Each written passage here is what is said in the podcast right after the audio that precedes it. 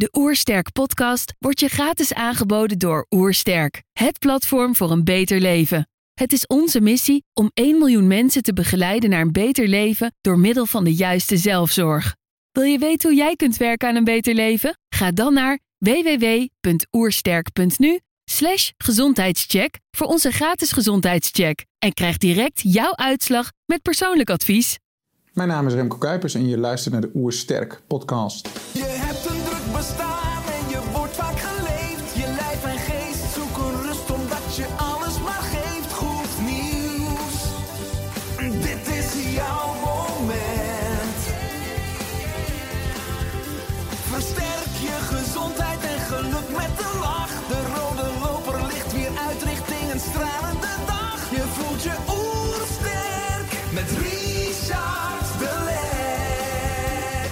We zijn in Heemskerk voor een podcast met Remco Kuipers.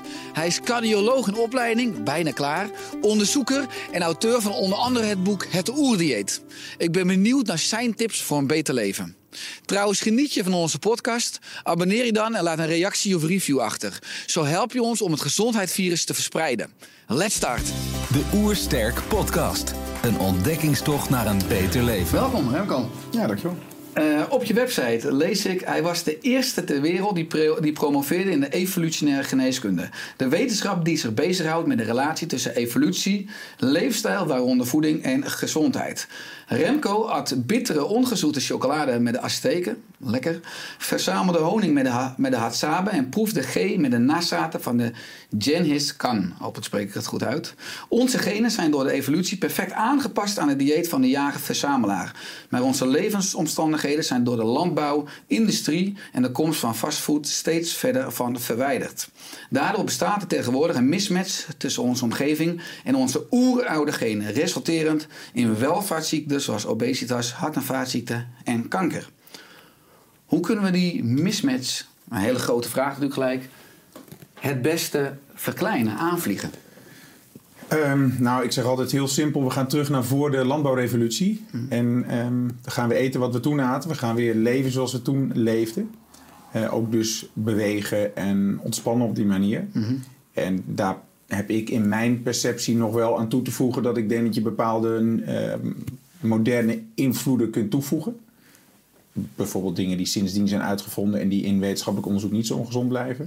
Maar dat is eigenlijk de basis van hoe ik denk over... hoe moet je dit in een nieuw jasje gieten. Ja, want heel veel mensen die zijn natuurlijk de weg kwijt eh, als antwoord op de vraag: wat is nou gezond? Hè? Al die experts eh, die helaas niet naadloos op elkaar aansluiten, maar zeker ook in de wetenschap het vaak eh, met elkaar oneens zijn. Ja. Hoe vind jij daar zelf jouw weg in? Ja, ik ben eigenlijk niet zo, ehm, is niet zo strikt. Dat wil zeggen, ik vind het heel jammer dat in de, in de moderne geneeskunde er veel competitie is eigenlijk tussen mensen die hun gelijk willen aantonen. En zo zijn er bijvoorbeeld mensen in mijn vak, hè, de cardiologie, enorm, eh, die zeggen cholesterol is de boosdoener en nee, het is cholesterol niet. Ja, de waarheid ligt in het midden en dat is met heel veel dingen zo. En als je wat meer consensus maakt en eigenlijk op een consensus manier naar eh, wetenschap kijkt, dan is er ontzettend veel overeenstemming. En dat is eigenlijk wel dat je gewoon gezond moet eten en dat betekent eigenlijk onbewerkt voedsel. Dat je meer moet bewegen en dat je minder moet, in je- ja, minder moet zitten en, en meer moet ontspannen. Nou, daar is eigenlijk iedereen het overheen, eh, over eens. En als je dus op zo'n manier een gesprek ingaat en het niet op de spits drijft over het is wel cholesterol of het is, eh, nou, het is roken is slecht of alcohol is slecht, maar meer de consensus zoekt, dan kun je toch met veel mensen wel een, eh, ja, tot, tot, tot overeenstemming komen. Ja, waar gaat die spanning? Wat is de oorzaak van die spanning als je met mensen over dit soort onderwerpen praat? Het is vaak beladen, cholesterol, verzadigd vet, koolhydraten. eh, eh, mensen die discussiëren soms eh, alsof hun gelijk vaststaat en dat ze niet openstaan voor nieuwe. Ja. Is, is dat ego? Is dat geld? Is dat wat anders? Het is soms en misschien wel te vaak ego. Zeker in de regionen waar mensen hoger opgeleid zijn, hebben ze heel veel moeite om toe te geven dat ze iets niet weten. Dat is natuurlijk vervelend. Zeker als specialist dat je dan soms bent. Aangeven dat je iets bazaals als voeding niet kunt uitleggen aan je patiënt of eigenlijk het niet weet. Nou, voor sommige mensen is die stap te groot. Ehm, voor sommige mensen is de oude kennis nog heel belangrijk en eigenlijk nooit bijgeschoold. En dan zit je zeker met onderwerpen als ja, als voeding, maar ook als, als bewegen, zitten heel veel mensen nog eigenlijk in een oude school. Waarbij ze de nieuwe informatie niet tot zich hebben genomen. En, en, en toch nog putten uit die oude kennis en dat ook volhouden. En zolang ja, de, de onderwijs en de bijscholingen niet eh, voorzien in dat soort eh, ja, gebreken, hiaten, eh, zal dat wel een probleem blijven. Dus of het nou dan bedoeld is, het ego, of dat het, dat het onbedoeld is, gewoon niet bijgeschoold zijn. Ja, in beide gevallen, of in de combinatie ook natuurlijk, geeft dat pro- problemen qua informatievoorziening. Ja. Hoe kunnen we de, de geneeskunde in die zin een, een, een update geven op het gebied van voeding en leefstijl? Dat is een lastige vraag, hè? want uiteindelijk vraag ik me af: moet je de geneeskunde wel die op- update willen Is het de geven? taak van de geneeskunde? Is het wel de taak van de geneeskunde? Als je kijkt hoe iedereen zeg maar doorleert en iedereen tegenwoordig superspecialist is, zelfs binnen de cardiologie heb je niet, je wordt niet cardioloog, nee, je wordt interventiecardioloog of, eh, inter- of, of, of ritmecardioloog of eh, congenitaal. Ja, eh, een huisarts is nog de, de grootste holist.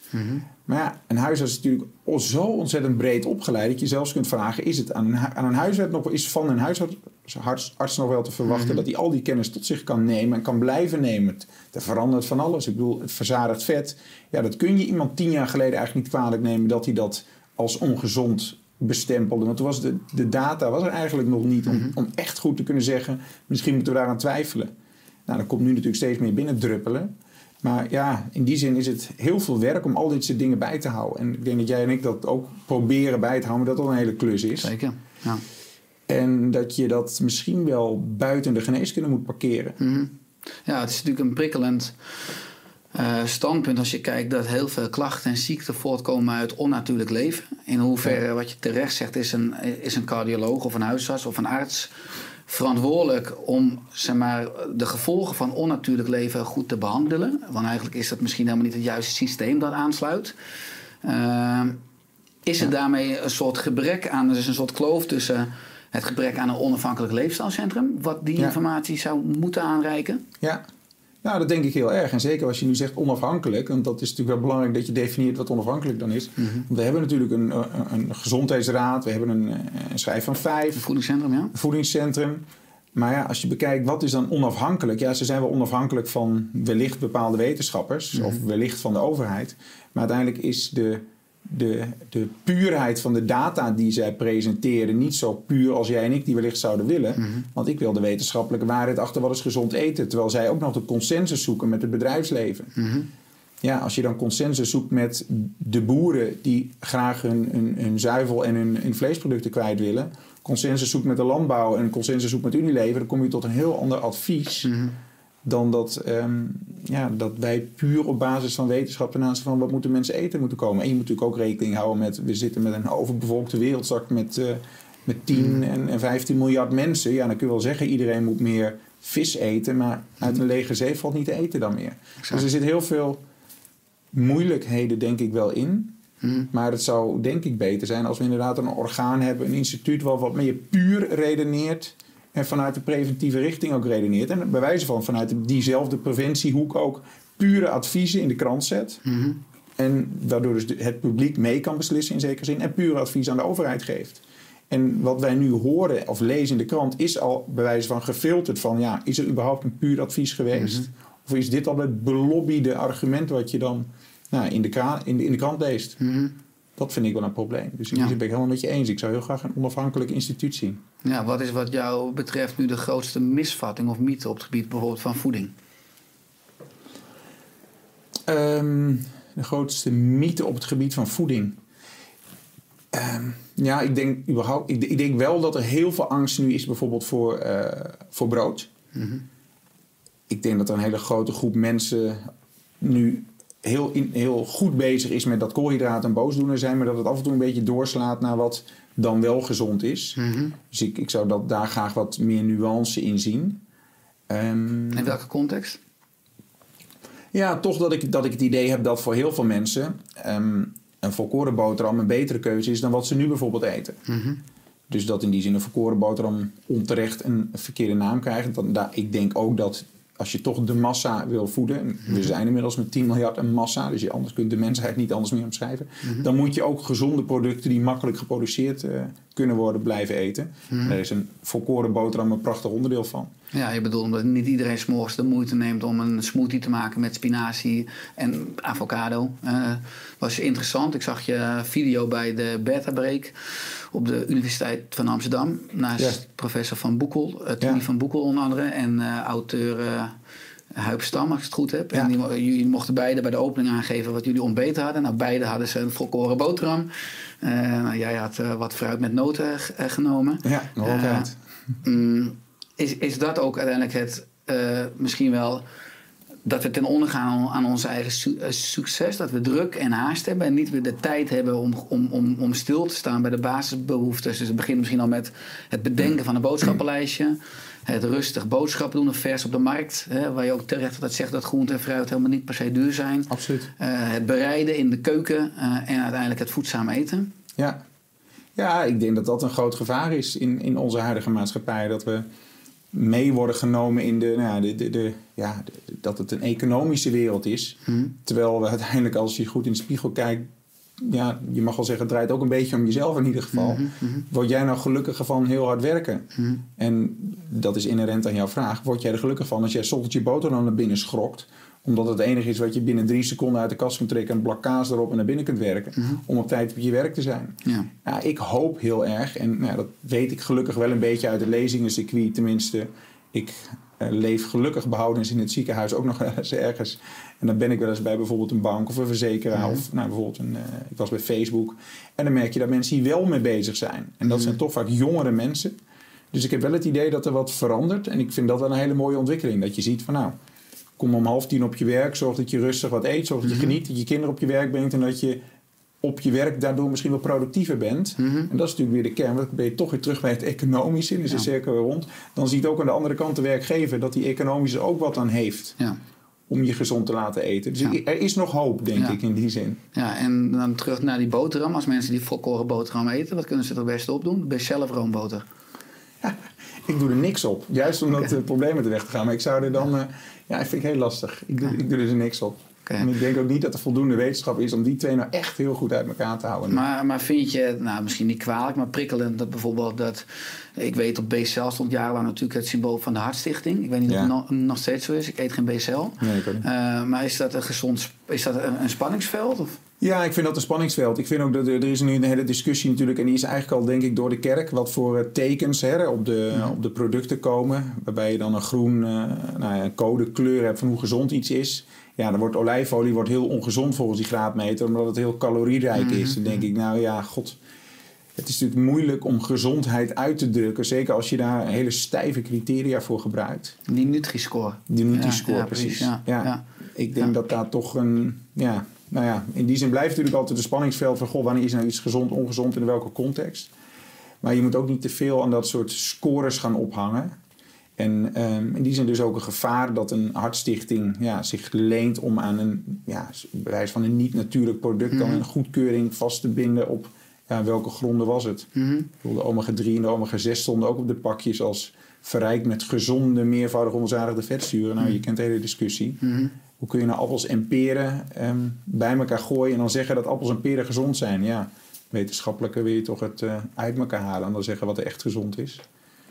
Dus eh, ja. Maar is het, eh, als ik kijk naar Nutri-score, olijfolie bijvoorbeeld, wat dan misschien weer een, eh, maar een eh, oranje of rode kleur krijgt. Het is voor heel veel consumenten, zeker de lagere sociale klasse. Ik denk dat, dat, dat onze boeken Ja. en onze lezingen, dat daar over het algemeen meer mensen bij zijn eh, van, die uiteindelijk geld hebben om boeken te kopen, die geld hebben om naar lezingen toe te gaan, eh, die meer bezig zijn met persoonlijke ontwikkeling, met voeding.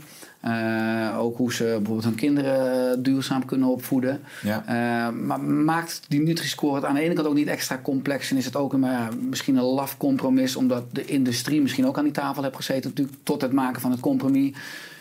Waardoor het voor hun natuurlijk een voordeel is als het nog, nog steeds ja, een grijs gebied is en onduidelijk. Omdat het is nog steeds te complex voor, voor het oerbrein om heel simpel te kunnen zien wat is nou gezond en ongezond. Omdat het je ook bij olijfolie bijvoorbeeld de verkeerde kant op kan sturen. Ja. En met een ongezond voedingsmiddel arm aan energie aan, misschien juist weer een groen label krijgt wat ook weer een foute indruk geeft. Dus in hoeverre is het een, een stap vooruit, de Nutri-score? Nou, ik vraag het me dus af. Ik vraag me heel erg af. Ik had liever gezien dat je bij wijze van voeding opdeelt in onbewerkt, bewerkt en zwaar bewerkt. Mhm. Waarbij zwaar bewerkt eigenlijk, ongeacht wat het nou is, eigenlijk gewoon een zwaar bewerkt score krijgt. Dan betekent eigenlijk dat iedereen moet gaan denken, "Mwah, dit moet ik eigenlijk niet gebruiken. Ja. En dat geeft ook wat meer stimulus, net zoals we naar groene en circulaire economie willen. Mhm. Dat de mensen die eh, onbewerkt produceren daar ook wat, nou ja, wat credits voor krijgen. En dat Ja. je ook meer ziet wat is nou puur van het land. Ik denk dat daar wel, eh, ja, daar zou ik meer voor zijn. Ja. Heb jij als cardioloog, of heb jij of neem jij ook meer tijd om mensen te informeren over voeding? Kennen sowieso iedereen die bij je komt, zou je niet per se kennen. Als de Remco Kuipers, auteur van het Oerdieet. Dus is Niet het, iedereen, maar je merkt toch dat uiteindelijk het blijkbaar heel veel mensen van tevoren wel geregeld hebben wie ze op het spreekuur komen. Dus inmiddels heb ik wel een poli waar veel mensen zitten die eh, soms ook wel eens denken dat ik in 10 minuten dingen kan die eh, Mhm. niet in 10 minuten kunnen. komen ze met boek mee met de vraag of je er wat in wil zetten? Wel eens gehad, ja, ja, ja, maar zelden gelukkig. Meestal Mhm. hebben ze dat dan eh, thuis gelezen. Ja. Nee, maar ze komen wel vaak met vragen over veel supplementen. Wat Mhm. voor mij eh, natuurlijk wel interessant is, want het leert mij ook weer. Want uiteindelijk eh, ja, ben ik als cardioloog ook niet van elk supplement op de hoogte. Mhm. En daar zitten wel leuke dingen bij. Het is wel lastig om dat in 10 minuten te doen. Ja. Maar je merkt wel dat er een groep naar mij toe komt die, die, die breder kijkt. Of die een andere, andere inzicht hoopt te krijgen. Is dat leuk als cardioloog? om- Is, is, pro- proberen die mensen ook te schipperen tussen ook dat ze eerder medicijnen willen afbouwen of eerder medicijnen willen voorkomen en uiteindelijk het meer zoeken in voeding en leefstijl? Ja, ja en ik in die zin vind ik het ook echt wel mijn belangrijke taak om dit te blijven doen. En ik zie mezelf in die zin ook een beetje als ehm, intermediair tussen de, nou ja, vroeger alternatief, de complementair zou ik het liever zelf noemen, hè, complementaire wereld en de reguliere wereld. Dat er ook wel mensen bij mij zitten die zo wantrouwend zijn ten opzichte van de, eh, de reguliere geneeskunde. Dat de enige die ze nog vertrouwen, dat ik dat dan ben. En die dan alle medicijnen gestopt zijn. En dat ook bijvoorbeeld als ik absoluut daar helemaal pontificaal tegen ben. En dan kan ik die mensen gelukkig nog meekrijgen. Want soms doen ze, ja, die zien in mijn ogen levensgevaarlijke dingen. En niet eens alleen in mijn ogen. Bijvoorbeeld als we toch iemand dotteren en echt een stent plaatsen. Ja, dan stop je een stukje li- lichaamsvreemd eh, materiaal in ons bloedvat. Dan Ja. moet je bloedverdunners gebruiken. En dat kan dan nog niet zo, zo onnatuurlijk zijn.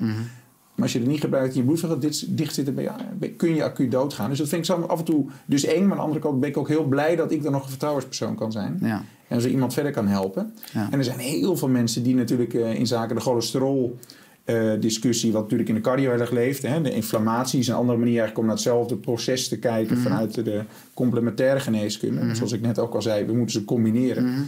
En als er mensen geen statines willen, maar ik kan ze meekrijgen door te zeggen statines zijn ook anti-inflammatoire. En dan gaan we meerdere medicijnen bekijken die in datzelfde spectrum aan, eh, aangrijpen.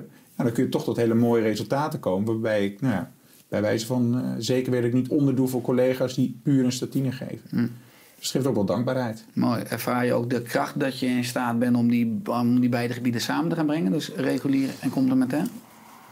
Ik ervaar de kracht uit mezelf en ik ervaar de kracht uit de eh, complementaire wereld. Het lastige is dat ik die kracht nog niet zozeer ervaar in, mijn, eh, in, in de reguliere geneeskunde.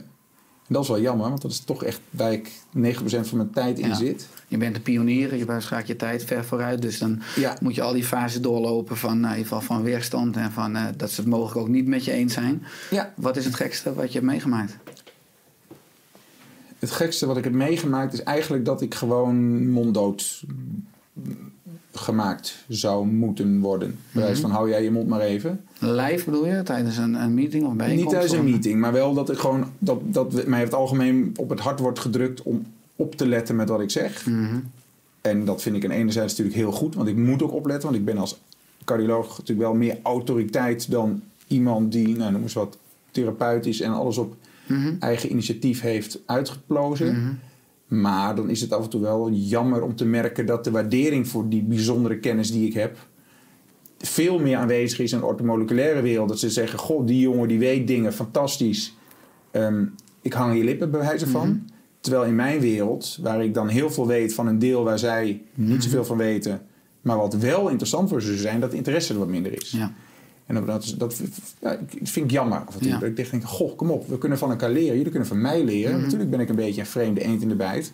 Maar mijn kennis is niet geen onderdeel van het vak cardiologie. Mhm. Of, van, of van de reguliere geneeskunde in het algemeen. Het is een heel belangrijk onderdeel.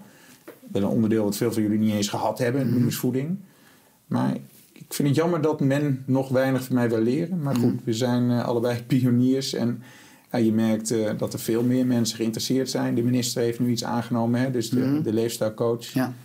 Ja, dan kun je er op een gegeven moment niet meer omheen. En dan hoop ik ook mijn plek te vinden op een plek waar eh, mensen geïnteresseerd zijn in mijn verhaal. Zijn er ook uitzonderingen dat- je zegt... ik heb ook iets enorm leuks meegemaakt in mijn vakgebied... een andere cardioloog die een brief schreef of een mailtje stuurde of me belde... en zeggen van nou, ik, ik wil graag een keer een dag met je meelopen... of eh, ik heb je boek gelezen en... Ik heb ehm, onlangs een mailtje gekregen uit Amerika van Mhm. iemand van Boston Harvard. Die zijn bezig met hele grote studies eh, op het gebied van visolievetzuren. Ehm, dat wordt, is een hot topic op de laatste cardiologiecongressen. Ehm, Omega 3? Omega 3, de Reduce It trial, hebben ze bij mensen met een iets hoog triglyceride heel veel omega 3 vetten gegeven. En nou, fantastische resultaten, terwijl die medicijnen notabene, of die medicijnen, die visolievetzuur, on top of een hele lijst medicijnen werd gegeven. Mhm. Nou, ik kreeg van de, nou, de, een van de grote mannen van Harvard in Amerika een, een mailtje van... Goh, zou jij eens met mij iets over je onderzoek willen, willen delen? Want volgens mij heb je verschrikkelijk interessante dingen gedaan. En we zijn bezig met richtlijnen. En nou, dan er staat je referentie eh, ergens in een artikel van hem. En dat komt steeds vaker naar voren. Want hij vindt het een fantastisch iets wat ik dus met mijn evolutionaire onderzoek heb uitgevogeld. Ja, Ja, dan denk ik toch, eh, kijk, ehm, je doet het niet helemaal voor niks af en toe ja. Zijn er mensen die de waarde zien van wat jij doet. Ja. En die ook, ook de letter lezen. Niet alleen Ja. in mijn verhaallijst, maar ook de referentie checken van wat heeft die jongen daar gedaan. Dus Ja, dat, mooi. ja, dat is... eh, Maar ja, aan de ene kant ben je natuurlijk al enorm wezen. Het is misschien nog eventjes een aantal jaren wachten dat de werkelijke oogst tot je komt. Maar eh, ik kan me voorstellen dat je die aantal stadia door moet. Eh, wat bracht je uiteindelijk in Afrika? Kwam je zelf tot het idee? Want ik neem aan dat veel studiegenoten dichterbij huis zochten. Dan om te zeggen, Ja. ik ga met een oerstam ja, eh, mee- Nou. eh, meelopen. ik moet wel zeggen dat mijn eigen persoonlijkheid me denk ik in Afrika bracht. Mhm. Want ik ben juist iemand geweest die weg wilde uit waar hij het kende. Mhm. Ik ben altijd op zoek geweest naar, eh, naar nieuw en naar ver en avontuur. Dus toen, ehm, ja, het was bij mijn afstudeerproject in mijn eerste studie, de farmacie. Toen kwam ik met een prof in aanraking en die prof die vertelde dat hij bezig was met, nou, met, eigenlijk met evolutionaire geneeskunde. En daar waren we samen mee aan het zoeken van, eh, nou, wat, wat is nou evolutionaire geneeskunde? Toen kwamen we op een gegeven moment op het idee dat je dus eigenlijk terug moest naar primitief levende stammen om iets te kunnen zeggen over gezondheid. Toen hadden we bedacht, nou, wat is nou de makkelijkste groep om heel veel data uit te verzamelen? Nou, dat is eigenlijk rond een bevalling, want wordt heel veel materiaal wordt weggegooid. Dus dan kom je onder heel veel ethisch probleem, problematische ja, dingen uit. Je hoeft mensen niet te prikken, want je pakt een navelstreng die de prullenbak in gaat. Ja. En toen was het idee afhankelijk dat ik naar, eh, naar de Malediven zou. en aangezien ik van surfen hou, was dat een prachtige Ja. combi. Tot op een gegeven moment daar toch de medische commissie eh, het toch beter vond voor placenta's om in de prullenbak te verdwijnen dan in een medisch onderzoek. werd niet toegestaan. Nee, Hmm. nee, dat was heel gek. Niet verwacht. Hm? En ehm, toen uiteindelijk werd het Afrika, wat uiteindelijk net zo, net zo logisch was. En uiteindelijk heeft het natuurlijk een beetje met toeval te maken. Dus we hadden een connectie op de Malediven. Die connectie die, die woonde daar. Dus toen dat niet door kon gaan, boorden we een andere connectie aan. En die, zat, eh, die had contact in Tanzania. En toen zijn we daar naartoe gegaan. Uiteindelijk paste het natuurlijk wel perfect in het concept. de, de origin of species. Waar komen we vandaan? Ja, Oost-Afrika. Ja. En er leefden ook nog een paar stammen vrij primitief. Ik bedoel, als, we, als de bakermat van de mensheid Rotterdam was geweest, was ik zeker niet naar Rotterdam gegaan. Dus het was de combinatie van, het, was, het, het kon nog. En, en ik had ook wel, ik was er de persoon wel na om dat te doen. Ja. Wat is het leukste wat je daar hebt meegemaakt? Het leukste wat ik heb meegemaakt is eigenlijk eh, het is samen te vatten in één zin. En dat is invite every person into your house because he might be an angel. Hm? Dat is wat een, eh, een hele oude dokter, afkomstig uit Noorwegen, werkend in eh, Tanzania, het ooit tegen mij zei. Toen ik hem vroeg van hoe kan het nou dat ik nooit rustig hier kan rondlopen. Want elke Afrikaan die wenkt mij binnen. Ik moet altijd even met hem komen zitten. Die mensen hebben niks en toch wat ze hebben, willen ze met me delen. Ik kan niet het huisje uit, ik krijg een cadeautje mee, ik krijg iets te eten. En die zeiden, dat is omdat zij, nou ja, dat komt dan uit de Bijbel. Neem iedereen mee je huis, want het zou een engel kunnen zijn. Dus eh, het is een soort ja, innerlijk iets dat ze alles met iedereen willen delen. Met, en zeker met zo'n vreemde gast, zeker als die blank is natuurlijk. Maar de hartelijkheid daar was fantastisch. De vrolijkheid, het lachen als je valt. Ja, dat heb ik wel echt vandaan meegekregen. Dus het echt het lol hebben in het leven. Heeft dat je je uitoefening als het in je vak verandert als arts? Absoluut. Met betrekking tot Ja. hoe, je, hoe je met mensen omgaat, hoe je je openstelt. Ja, dat voor sommige mensen stoort, maar veel mensen vinden het fijn. Want ik maak veel makkelijker een grapje ook in een, ook in een moeilijke situatie. Mhm. En sommige mensen vinden dat veel, toch moeilijk. Hè? Als, je, als, je een vrees, als je net een hartinfarct hebt gehad. Mhm. Maar ik merk ook dat er een grote groep is die uiteindelijk daardoor wel leert relativeren. Mhm. Die dat toch ook wel ziet als iets fijns. Een dokter die er niet alleen met ook tranen in zijn ogen naast zit en die een grapje maakt. Ja. En ehm, ja, heel erg heeft Afrika me gerelativeerd in wat is de waarde van het leven. Of bewijzen van geniet van de dag. Mhm. Maar besef ook bewijzen van in Nederland wat een absurde dingen we allemaal doen in de geneeskunde. Peperduur onderzoek om een, om, een, om een zekerheid van het is niks te verhogen van 97,3% naar 98,8%. Dat je denkt, nou, 10.000 euro geven aan anderhalve procent meer zekerheid. Ja, zo gaat het in Afrika niet. Veel meer pragmatisch. En ja, dan, dan relativeer je wel hoe je je werk doet hier in, Ja. in de Ja. westerse wereld. Je bent klaar in april als cardioloog. Ja. Studeer je af. Eh, wat is je ambitie of misschien zelfs wel je droom uiteindelijk?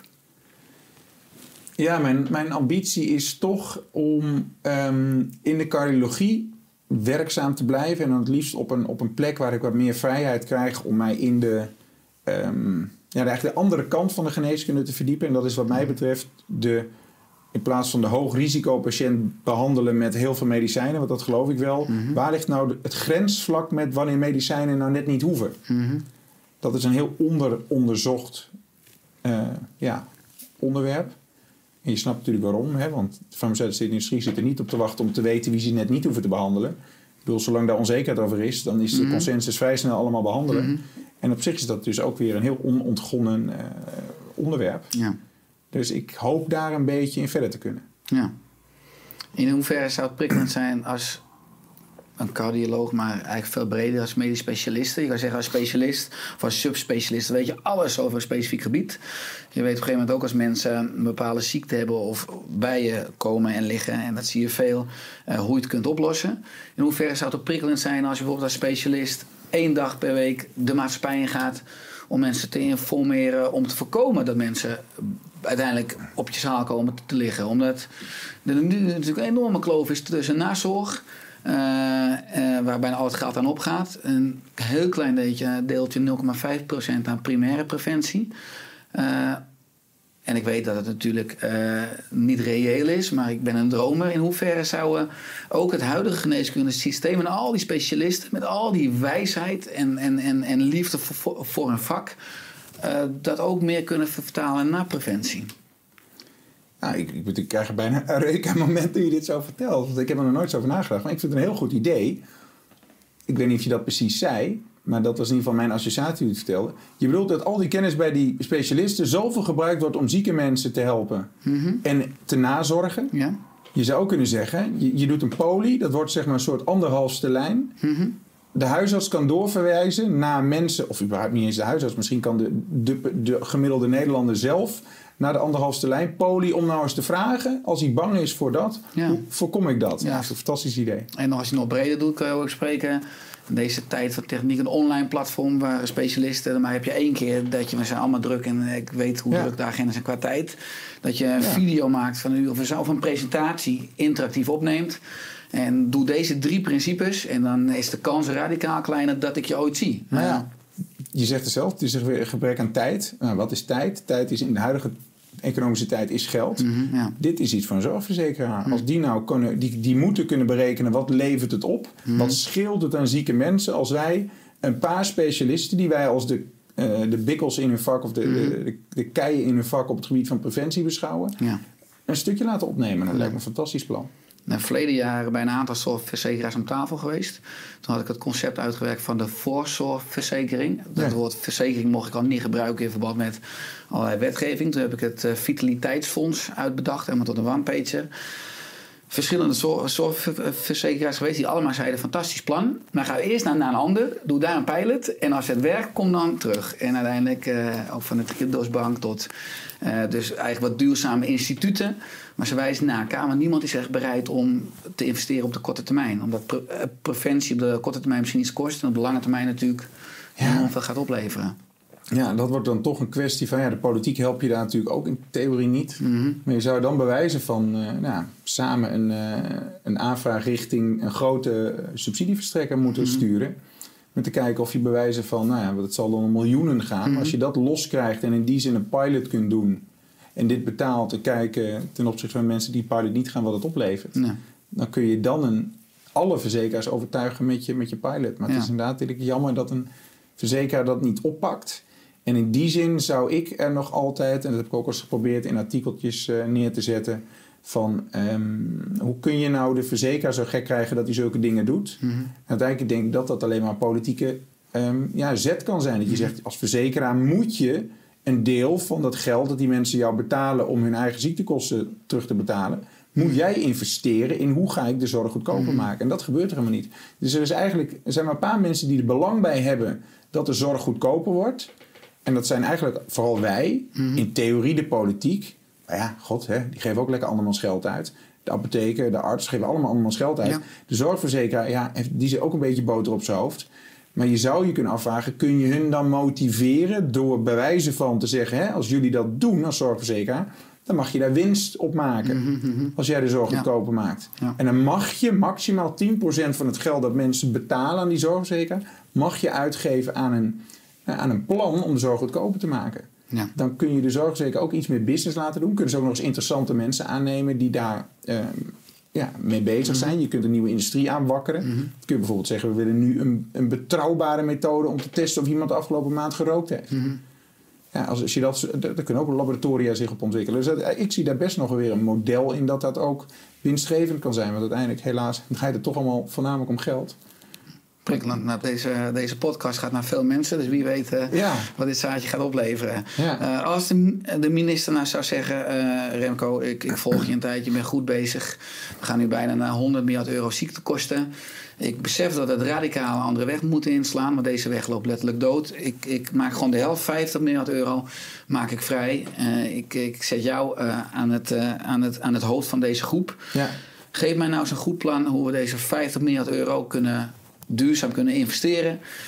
Wat uiteindelijk in de maatschappij, eh, onder de Nederlandse be- bevolking, leidt tot een radicale toename aan kwaliteit van leven. Ja. Welke stappen zou je dan, dan ondernemen? Nou, het allerbelangrijkste vind ik dat je, dat je het onderzoekt. Je moet wetenschap bedrijven. Je moet niet allemaal proefjes doen, proefballonnetjes. Als je het doet, ja, dan is het heel plat gezegd... dan zullen er een paar dooien moeten vallen. En dan wel in de goede manier bedoeld. Dan moet je er randomiseren. Ja. En dan moet je dus gewoon zeggen... we gaan de provincie, eh, noemen ze wel Drenthe, opdelen in twee delen. Net zoals ze in Finland hebben gedaan met de Zevenlandenstudie. Er zijn fantastisch van dit soort projecten. Er zijn Amerikaanse staten die dit gedaan hebben. Dus ik, ik zeg helemaal geen gekke dingen nu. Maar je deelt een provincie in Nederland... of je deelt Nederland op in een paar stukken. En daar ga je gewoon twee groepen mensen... die ga je op een bepaalde manier ga je informeren. Ja. Nou, en, en dan pomp je daar maar heel veel geld in om die data te vergaren. En om, om, om mensen heel goed te instrueren, bijvoorbeeld met filmpjes. En dan ga je kijken wat het oplevert. En zo ga je verbeteren, verbeteren, verbeteren. Ik denk dat dat de manier is. En dat kost wel wat geld. Maar als je ja, toch 50 miljard hebt, want het gaat over gigantische bedragen, oké, dan kan dat. Ja. En dan uiteindelijk, ja, dat geld gaat linksom, rechtsom toch wel daar naartoe. Ja. En dan doe je het nu op een duurzame manier. Iets waar je uiteindelijk verbetering mee krijgt. Maar, want enerzijds moet je denk ik ook als arts ben je ook steeds nieuwsgierig zijn. Hè? Dus buiten bes- bestaande kaders willen denken, kunnen denken.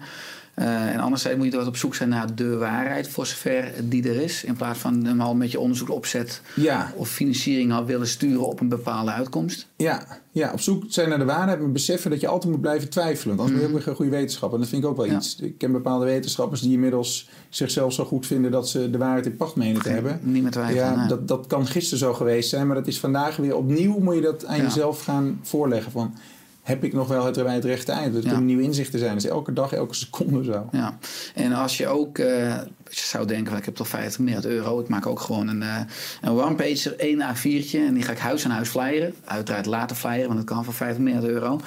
Met jouw adviezen eh, qua een gezond voedingspatroon. Hè? Want mensen gaan morgen weer naar de, na- naar de supermarkt toe. En vragen zich toch af, wat moet ik nou ontbijten? Wat is gezond? Eh, en, en qua lunch en, en avondeten, wat zou jouw advies dan zijn qua ontbijt? Kan bijt. Ja. Nou, ik, ik denk toch dat er in Nederland te eentonig gegeten wordt. Mhm. En als we het dan hebben over wat soort dingen moet je eruit halen, dat is eh, processed food en ultra-processed food. Ja. Nou, heel veel mensen eh, ontbijten met ultra-processed. Denk aan cornflakes en dat soort dingen.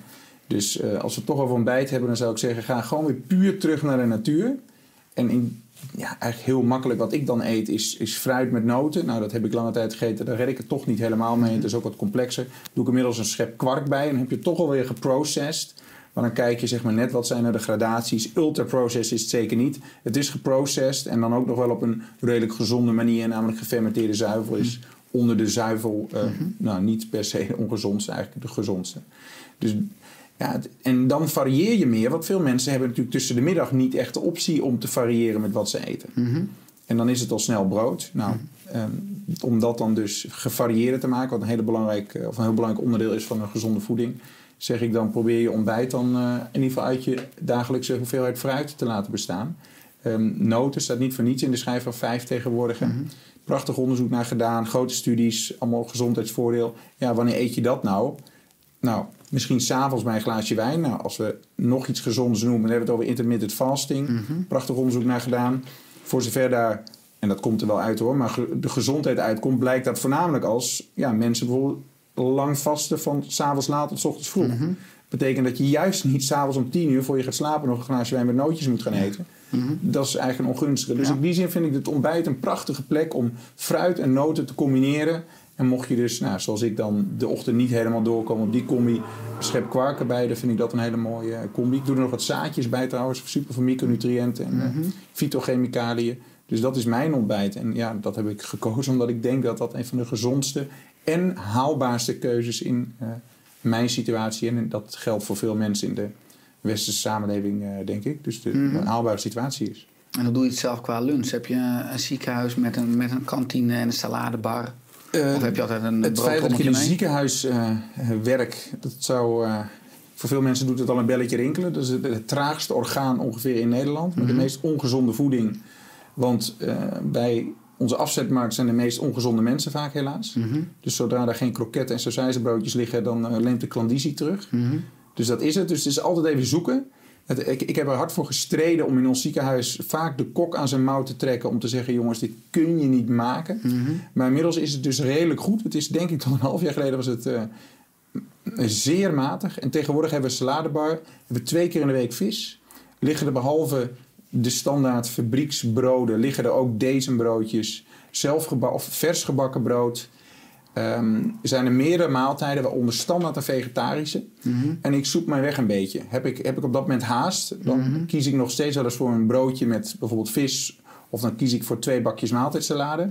Een maaltijdsalade is eigenlijk bij ons gewoon puur salade. Dus dan neem ik eh, bietjes, boontjes eh, en gemengde salade. En als ik iets meer tijd heb, wil ik ook nog eens kijken in de, in de warme etenbar. En dan kennen ze me inmiddels ook daar. Dus dan weten ze dat ze niet met de vegetarische maaltijd of de vleesmaaltijd aan hoeven komen. Dat ik meestal mijn eigen keuze maak. En dat houdt meestal in, ehm, ik hoef niet de aardappelpreek of niet de rijst. Maar doe maar bij de groenten die bij die maaltijd en de groenten van een andere maaltijd horen. Met bijvoorbeeld een eh, ja, gevulde courgette als het vegetarisch is. Of, eh, of vlees als dat, of, of vis als dat er is. Ik ben zelf bijvoorbeeld gek van eh chocoladerozijnen. Moeten we ook niet in huis hebben. Heb je zelf ook een guilty pleasure waarvan je zegt... nou, als dat Ja. in mijn omgeving is, dan moet ik oppassen. Eh, ehm, eigenlijk heb ik geen guilty pleasures, maar ik ben nog wel natuurlijk ook een oermens. En eh, mijn oerinstinct zegt ook nog alles wat zeg maar zoet is, vind ik gewoon nog steeds heel lekker. Dus mijn vriendin heeft, of mijn vrouw inmiddels heeft een toetje waarbij ze sinaasappels bestrooid met Werther's echte die in de, in de maal, of in de mixer gaan. Ja, een stuk puur suiker, maar dat vind ik wel erg lekker. Ja, maar we hebben eigenlijk, ik heb niet echt een guilty pleasure. Dat klinkt heel gek, maar nee. En als je de brug maakt, en je bent zelf ook vader, eh, naar onze kinderen. Je, Ja. We zien dat eh, mensen in ons land steeds eerder chronisch ziek worden. Ja. Dus meer jaren gebruik maken van medicijnen, artsen en operaties in ziekenhuizen. Eh, hoe zouden we dat ook kunnen omkeren? Ja, je maakt zelf het bruggetje al, maar ik zal hem inkoppen. Ja, het, het zijn die kinderen. En dat, dat heeft mij ook, baart mij ook veel zorg. Ik heb onlangs nog een opinieartikeltje geschreven met een orthopedagoog in Dagblad Trouw. Precies over dit onderwerp. Kijk, het gaat niet goed. We moeten onze kinderen gezonde keuzes laten maken. En we moeten kinderen jong laten kennismaken met gezonde dingen. En Jaap Seidel, je kent hem ongetwijfeld, hè, de Mhm. Ja. Ehm, die heeft er prachtig onderzoek in gedaan. Maar hoe krijg je kinderen nou aan het groente eten? Want hoor je vaak, ja, mijn kinderen eten geen groente. Ja, maar dat komt omdat je niet aanbiedt. Mhm. En omdat je hem niet enthousiast maakt. Als je kinderen een volkstuin instuurt... in plaats van elke dag naar school en alleen maar knippen plakken... Als jij ze buiten laat lopen, ze kennis laat maken met haar trekken die worteltjes uit de grond, dan worden ze nieuwsgierig van. Dus ik vind het heel belangrijk om te investeren in, in eigenlijk onze kinderen. Ik bedoel, geef ik kookles. Hoeveel ouders. Er zijn in Amsterdam inmiddels huizen zonder keuken. Hoeveel ouders koken die niet? Ik heb hele goede vrienden, hoog opgeleid. Ik heb ze nog nooit zien koken. Ze kunnen barbecuen, dat weet ik dat ze kunnen, maar de rest kunnen ze eigenlijk niet. En dat geeft precies een beetje aan wat die kinderen dus overnemen. Dus heel belangrijk om, als de ouders dat al niet meer kunnen door de drukke banen die ze hebben. Ja, daar is natuurlijk ook wat van te zeggen. Dan moeten ze, misschien moet je gewoon, wij koken ook, we hebben ook een drukke baan, het kan. Maar als ouders dat dus veelal nalaten, dan ligt er een taak, denk ik, bij de overheid. En daar zijn natuurlijk wel prachtige initiatieven van. Hè. Je kent eh, de familie Gené, denk ik, hè, van de voetbalkantines. We hebben samen het boek mogen bijdragen. Daarom. Voeden, ja. Ja. Ja. Dus dat je daar, ja, dat zijn prachtige initiatieven. Laat een sportkantine weer gezonde dingen inzetten. Want er stond natuurlijk vroeger alleen maar, weet ik veel wat, AA en, en, en suikerstaven. Dat je dacht, dat heb ik nodig. Ja, dat is natuurlijk niet per se zo. En als je daar ook de, de blootstelling aan gezond weer eh, neerzet, dan is dat voor kinderen weer de norm. En bijvoorbeeld een prachtige anekdote van mijn zoontje. Die eh, was heel jong toen wij in Noorwegen op vakantie waren een paar weken. En daar ving ik forelletjes uit elk beekje en meertje dat ik kon vinden. En ik had hem voor de grap geleerd, want ik had in mijn Afrikaanse onderzoek al die vissen uit elkaar gehaald te kijken waar nou de hoogste concentratie van die visvetzuren zat. En die zat in de ogen. Nou, die worden bijna altijd weggegooid, behalve in Afrika. Dus het eerste wat opgegeten wordt is de kop. Dus ik gaf mijn zoontje, ik lepelde zijn oogje eruit, ik gaf ook mijn zoontje te eten. Tegenwoordig kunnen we geen vis meer eten of hij komt aanrennen en papa, ik wil het oogje. Heb Dit is echt waar. En ja. dat, is, dat is dus aangeleerd gedrag. Ja. ja. En zo kun je ook bedenken dat het omgekeerde daarvan geldt voor veel kinderen die ehm, op school leren. Je bent jaren, we gaan taart maken. En je wordt getrakteerd, dan krijg je snoep. Ja, dat probeer ik mijn kinderen niet aan te leren. Sterker nog, ik heb op de crash waar mijn kinderen op zaten, eentje nog zit, heb ik ze aangeleerd, of heb ik eigenlijk besproken met de leiding. Ik wil eigenlijk niet dat mijn kinderen, of eigenlijk dat we in de groep standaard trakteren op snoep. Ik vind eigenlijk dat snoep niet kan. Er moet iets gezond of iets leuks worden getrakteerd. En dat gebeurt daar nu. ja. Hij gaat nu naar een, naar een basisschool toe waar dat niet het geval is. Ja, ik vind dat best een probleem, want het is aangeleerd gedrag. Waarom moet jarig zijn taart zijn? Ja. Waarom moet een tractatie snoep zijn? Waarom ga je niet als je jarig bent een krop sla eten? Ja, omdat dat niet de cultuur is. Maar ja, ik bedoel, culturen veranderen. Soms moet je culturen veranderen, denk ik. En ik probeer dat dus ook in die zin wel een, eh, een slag in te maken. En dan is het natuurlijk wel zaak dat je mensen mee hebt. Want het moet natuurlijk niet zo zijn dat mijn kindje dat enige jochie is dat dan van zijn ouders niet hm, hm, mag. ja. We willen allemaal bij de groep horen. Ja. Ja. en dan moet je dus, denk ik, de groepsdynamiek. Zo, want op de crash kon het wel. Ik bedoel, daar heb ik met mijn, nou dat zal ik deels zijn geweest, maar met mijn opmerking het zover gekregen dat, daar, dat men dat deed. Ja. Ja, het is prikkelend natuurlijk. Je kan natuurlijk al vraagtekens zetten soms bij wie het onderwijsmateriaal maakt op de basisschool. Noah, onze oudste zoon, die zit in groep 6. Die had laatst een toets over voeding. En onder andere wat hij moest leren stond... eh verzadigd vet is ongezond. Oh ja. Eh, nou ja, om nog maar even die koppeling eh, te maken. Veel mensen die stoeien er nog steeds mee omdat ze, zeker ook de generatie van mijn ouders, die zijn rond de 70. eh, dat betekent tot roomboter en nou, cholesterol en hart- en vaatziekten. Ja. Hoe zit het nou? ja, ik denk dat hoe het nou zit, dat het nog best lastig is. Dat je dat niet zo heel hard kunt zeggen. Volgens de, de, de laatste inzichten dan. Hè? ja. Kijk, wat heel belangrijk is om te weten, überhaupt cholesterol eten ehm, doet heel weinig op je cholesterol in je bloed. En uiteindelijk gaat natuurlijk de kans op hart- en vaatziekten, als je die al wil relateren aan, aan nou, aan risicofactoren, dat ik denk dat je dat wel moet doen trouwens, ehm, maar dan is cholesterol er wel een onderdeel van. Alleen is het wel belangrijk om te beseffen dat het cholesterol wat je eet nauwelijks invloed heeft op het cholesterol in je bloed. Voor verzadigd vet geldt eigenlijk hetzelfde. Dat heeft maar een heel klein beetje invloed op je cholesterol. Dus in die context is natuurlijk wel het begrip van hoe ongezond is dat relevant. Namelijk, ja, als je ouders gezond zijn en 70, dan maakt die verzadigde boter niks uit. Dan hebben ze blijkbaar niet die verhoogde gevoeligheid om hart- en vaatziekten te krijgen. Dan maakt hun cholesterol ook niet zoveel uit of het nou 1, 2, 3, 4, 5 is. Ik bedoel, ja, als ze er niet gevoelig voor zijn. Maar ja, in mijn praktijk zie ik natuurlijk net die mensen die op hun 45ste al een hartinfarct hebben, die een hoog cholesterol hebben. En in mijn geval, specifiek het, het spreekuur van Remco Kuipers... waar dan de mensen komen die helemaal geen risicofactoren hebben... want die gaan naar mij zoeken om dat ze denken dat ik dan het antwoord heb...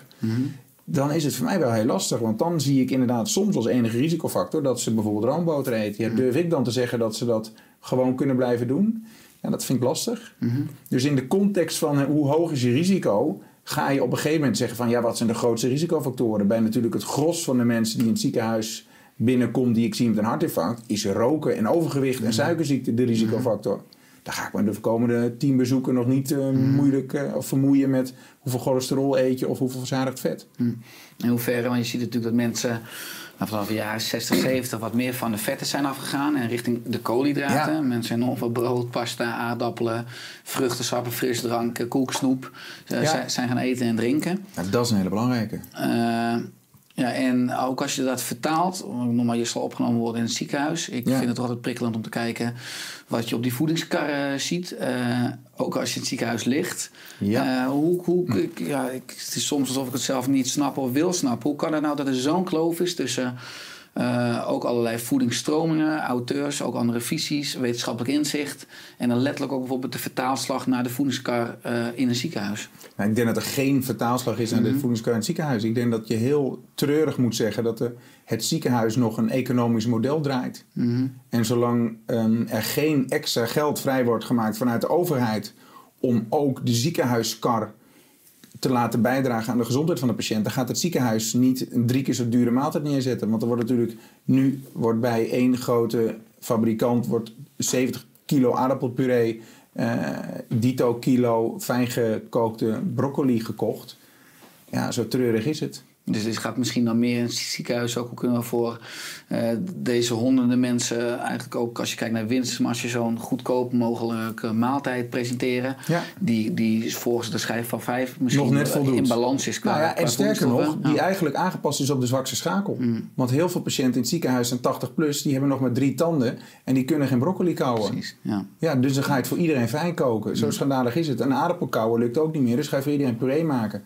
Dus ja, zolang je dus niet personalized nutrition kunt aanbieden omdat het te duur is, ja, dan, dan, dan krijg je dit. Je kunt nog beter in Afrika zitten waar je niet te eten krijgt in het ziekenhuis, maar waar je familieleden dan voor de deur in ieder geval een gezond prutje zitten te koken. Personalized, personalized nutrition heb je daar wel. Ja, exact. Eh, je kan eigenlijk stellen dat de, de boodschap die wij presenteren in mijn optiek geen hype is, maar natuurlijk wat je ook vaak zegt een trend is. Als je kijkt naar 2020, misschien ook naar vorig jaar 2021, wat zijn eh, hoopvolle signalen waarvan je zegt, nou ik ben echt heel positief, want eigenlijk is de beweging in gang. De revolutie van onderaf, kan je zeggen, is in volle gang. Ja, Hoe kijk je daar zelf naar? Nee, absoluut. Wat ik, wat ik sowieso merk is dat er in mijn jonge collega-groep ehm, veel meer vraag komt. Eigenlijk zelfs verbazing is van hoe kan het dat jullie daar niet mee bezig zijn? En ehm, ja, je ziet veel meer mensen die uitstappen. Tenminste, of hoe het mij opvallen. Maar ik zie steeds meer mensen die, die, die uitstapjes maken ook. Die niet eens helemaal uitstappen. Maar die zie ik in, in één keer als ik ergens lesgeef... zie ik een spoedeisende hulparts in de zaal zitten. En denk ik, hé, hey, dat is grappig. En dan vraag ik, en dan zijn ze niet gestopt. Nee, dan zijn ze ook een bijscholing aan het doen. En die mensen krijgen dus het goede verhaal te horen. En er zijn meer mensen die geïnteresseerd zijn in het goede verhaal, die zich aan het verbreden zijn. Ik geef huisartsenscholingen, waarbij ik huisartsen zie waar ik, waar ik dolgelukkig van word. Waarbij ik echt de passie eraf zie spatten om de waarheid boven tafel te halen. En niet zeg maar het bekrompenen van. Hè, ik, ik heb de waarheid al geleerd in mijn opleiding. En dat is het heilige huis. Daar hoeft niks meer bij, want dat is compleet. Ja, dat is natuurlijk vreselijk. Maar je hebt nog mensen die uit die, uit die ja, wijsheid nog steeds hun werk doen. En ik merk dat daar wel eh, ja, steeds meer jonge mensen vooral met nieuw op zoek zijn naar, naar, de verse informatie. Ja, ja dat is positief. En ook als je kijkt onder veel medische studenten. Je hebt natuurlijk de ver- vereniging de stu- student en voeding. Ja, Of student en leefstijl, maar gewoon Ja. stu- student en voeding. Eh, ook op de, op de VU en op de UvA. En, alle- congres laatst. Ja. ja. Eh, dus je ziet daar ook al onder de nieuwe generatie eigenlijk een honger, omdat die natuurlijk nu ook opgroeien met social media en al die boeken. En er is in de media regelmatig aandacht. Die zien op elke menukaart in Amsterdam staan of ze het glutenvrij, Ja. vegetarisch, veganistisch. Ja, daar gaan belletjes rinkelen. Ja. Die willen weten wat het is. Ja.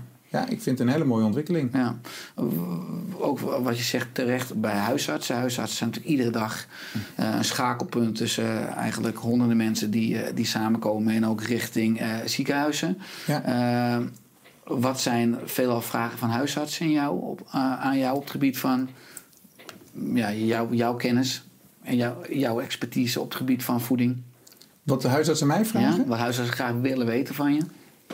Ja, de voeding vooral. Mhm. Dat is toch echt iets wat ze heel weinig van beseffen te weten. Dat ze zeggen, dat hebben we echt nauwelijks gehad. Sommigen kunnen niet eens het, eh, uitleggen wat, wat het verschil is... of de overeenkomst is tussen snoep en, en, en salade. Mhm.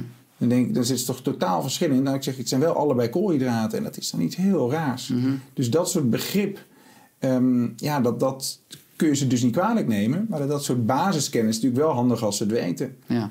En zeker met de behandeling van, nou, wat natuurlijk volksziekte nummer 1 is, suikerziekte of obesitas. Dat is natuurlijk ook een containerbegrip met, met het metabol syndroom. Ja, dat, dat is dé ziekte van de komende eeuw. Als je daar niet begrijpt hoe die interactie zit tussen eigenlijk eh, suikers, vetten aan de andere kant, verzadigd vet in het bloed, eh, de lever, wat die voor centrale rol speelt. Ja, dat, dat moet zo basis zijn. En dat kun je toch wel redelijk simpel, denk ik, bijspijkeren als je een aantal groepen eh, in die zin een paar keer in een dagje iets mag vertellen. Ja. En daar is ontzettend veel winst mee te halen. Ook enthousiasme mee te halen. Want die mensen zien natuurlijk heel veel diabetes afglijden. Ja, wat wil je als je hoort dat je minder vet moet eten? Ja. En precies waar je net al naar refereerde. Dat heeft er tot geleid dat mensen meer suiker zijn gaan eten. Of in ieder geval meer koolhydraten.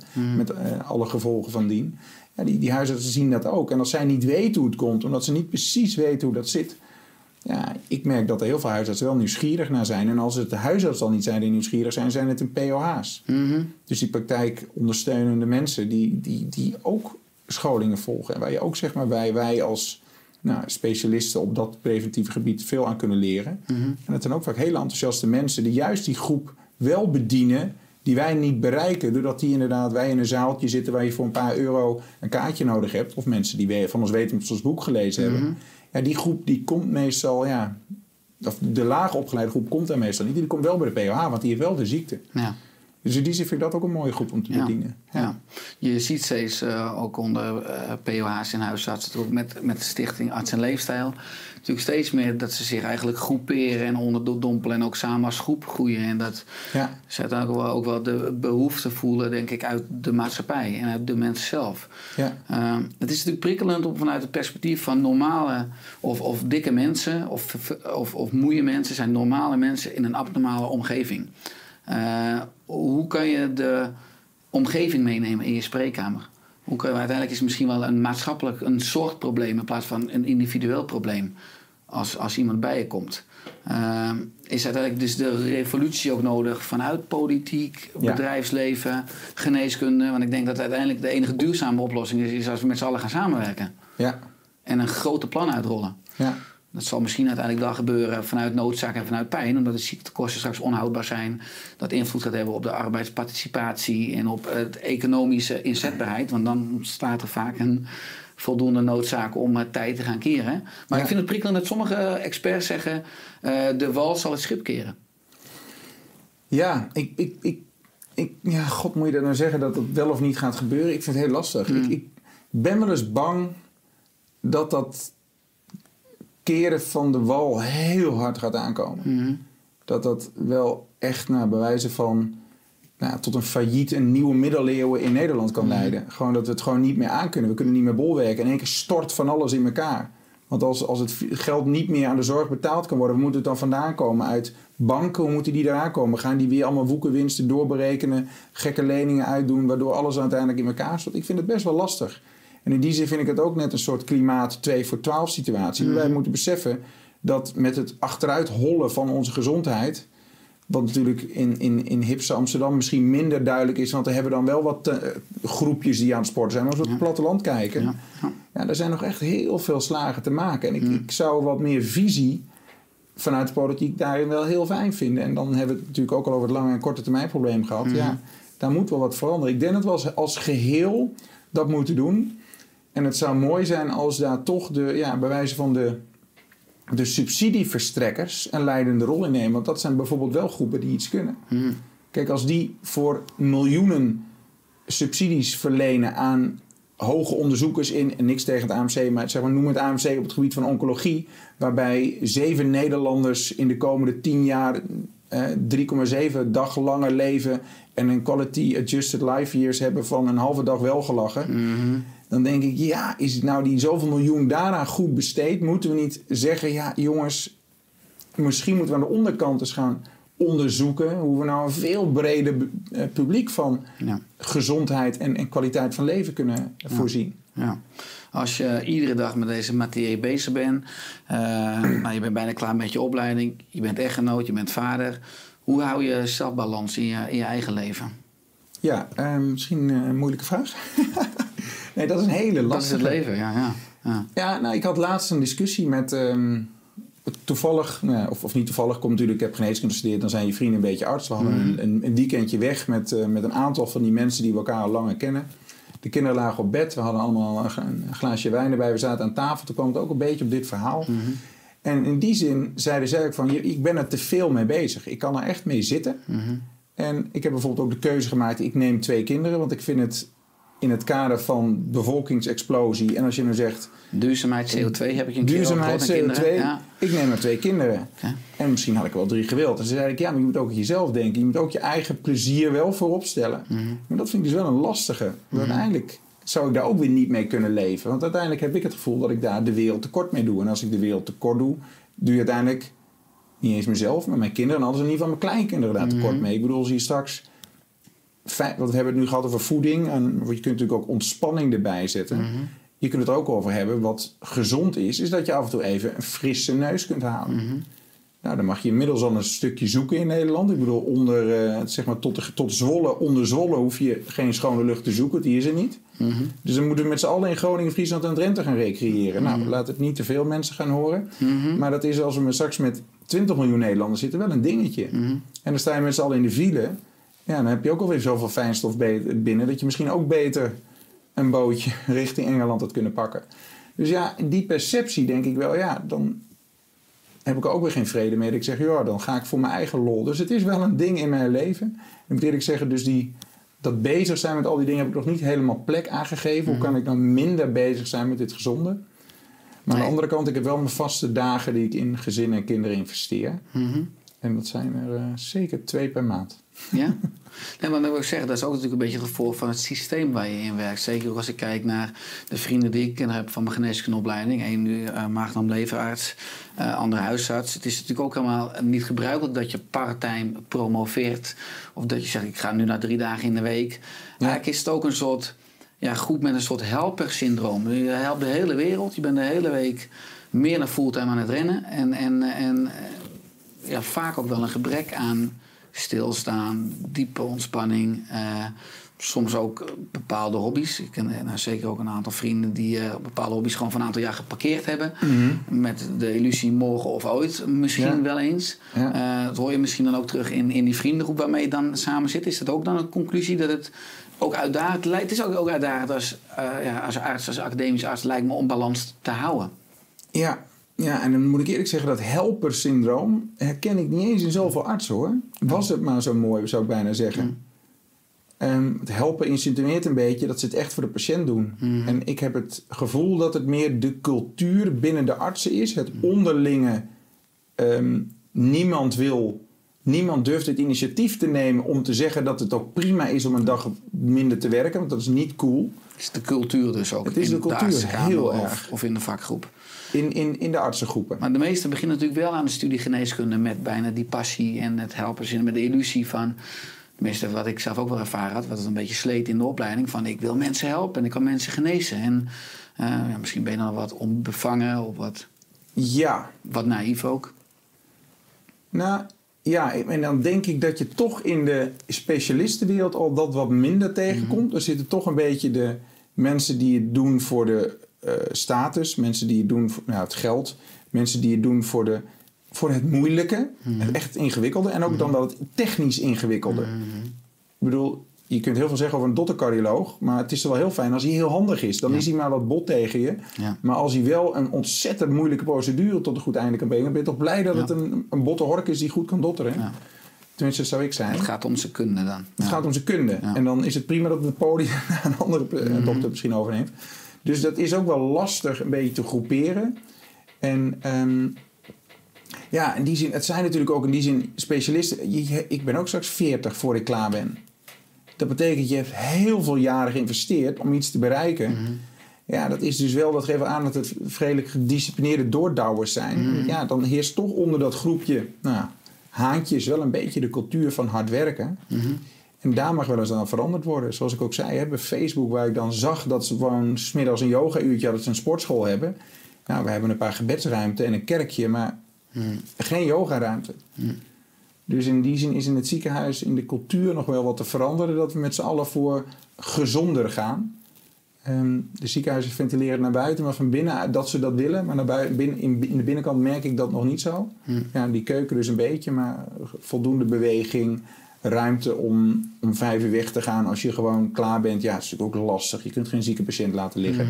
Maar overuren opschrijven is er niet bij. De volgende ochtend wat later, ja, is ook eigenlijk not done. Dus die cultuur moet nog wel wat, eh, kan nog wel wat beter, denk ik. Kijk je naar uit straks april, eh, dat je klaar bent? Ja en nee. Want ik sta natuurlijk dan op straat in de Ja. zin van ik moet iets nieuws zoeken. En ik Ja. Mhm. vond dit wel een mooie plek. Ik ken natuurlijk iedereen nu.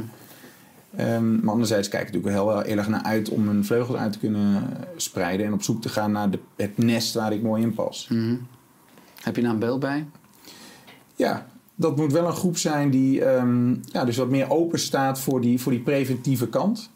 En ehm, ja, mij daarin een beetje mijn eigen eh, ja, onderzoeksgroep bij wijze van laat creëren. Die zeggen van nou, die mensen met zo'n eh, met zo'n moeilijke vraag van mag ik mijn statine stoppen, die, die parkeer ik bij jou. Ja, en als ze dan dat niet doen alsof nou ja, dat dan een hele gekke vraag is, is natuurlijk een hele mooie vraag. Ja. Dan kan ik die mensen van informatie voorzien. Dan kunnen we een prachtige patiënt-dokterrelatie opbouwen. Ja. Dus zo'n groep die mij waardeert om wat ik daar in dat gebied allemaal weet. Dat lijkt me ook de basis, erkenning en waardering. Ja. Ja. Ja. En, en openheid in ieder geval voor, eh, voor jouw inhoud. En uiteindelijk ook de, de gezamenlijke groei die er ook is, denk ik, als jij uiteindelijk zo goed mag aanvullen. Ja, precies. Dat ik ze iets mag vertellen over mijn onderwerp. Dat zou, eh, Ja. Ik gun je ik ook bij deze het, eh, het podium. Mensen kunnen meer eh, vinden uiteraard op je website. Ja. Je boek, Het, het Oerdieet. Oergezond, ja. Ja. Twee, twee boeken hè, zijn het inmiddels, ja. Oergezond. Is er nog een, een, een, een slotboodschap waarvan je zegt... nou, ik vind dit nog leuk of prikkelend of goed om te noemen? Ehm, nou, ik ben heel erg benieuwd. Zeg maar, het is nu ontzettend hot in cardiology eh, land. Dat ze eindelijk met inflammatie, low-grade inflammation, aan de gang gaan. En dat het in steeds meer artikelen naar voren komt. Dat het niet alleen hart- en vaatziekten is, maar dat er net zo goed auto-immuunziektes zijn en kanker zijn. Dus ik denk dat we in een ontzettend interessant tijdperk zitten. Wat betreft dat we ja, eigenlijk de wetenschappelijk niet meer omheen kunnen. Dat, dat het niet allemaal verschillende ziektes zijn, maar dat er een soort ontsteking aan ten grondslag ligt. Exact, als mechanisme onder die westerse welvaartsziekte. En Ja. daar is natuurlijk de risicofactoren waar wij het over hebben, de preventie, de, de oorzaak van, van die Ja. inflammatie. En dat, dat gaat echt de komende 10, 20 jaar zo uit de box komen. Dus eh, Eigenlijk ik kan is, niet wachten. is dat het openzetten van alle deuren van al die specialisaties en subspecialisaties. En het, eh, letterlijk komen ze allemaal dan weer uit in één ruimte. Absoluut. En dat is, gaan we misschien weer terug naar Hippocrates, die natuurlijk ook begon met uiteindelijk eh, de eenheid, het, het, het holisme, Ja. met voeding en leefstijl. Ja. En, eh, en al met het luisteren naar elkaar en een open houding. En eh, Ja. ik denk dat jij daar absoluut een pionier in bent. Dank je wel voor je, voor je boeken. Ik heb ze zelf uiteraard ook verslonden. Ik volg Leuk. je graag en ik ben, vind het enorm inspirerend eh, om jou, jouw weg te zien gaan in het medische landschap. Ik wens je ook voor de toekomst ah, vast ook eh, in april alle goeds. Eh, geniet van de mijlpaal. Ja. En, en ik hoop dat we aankomende jaren elkaar nog veel mogen inspireren en stimuleren om uiteindelijk Nederland een gezondere plek te maken. Nou, dat lijkt me fantastisch. Gaan we doen. Dankjewel. Dankjewel.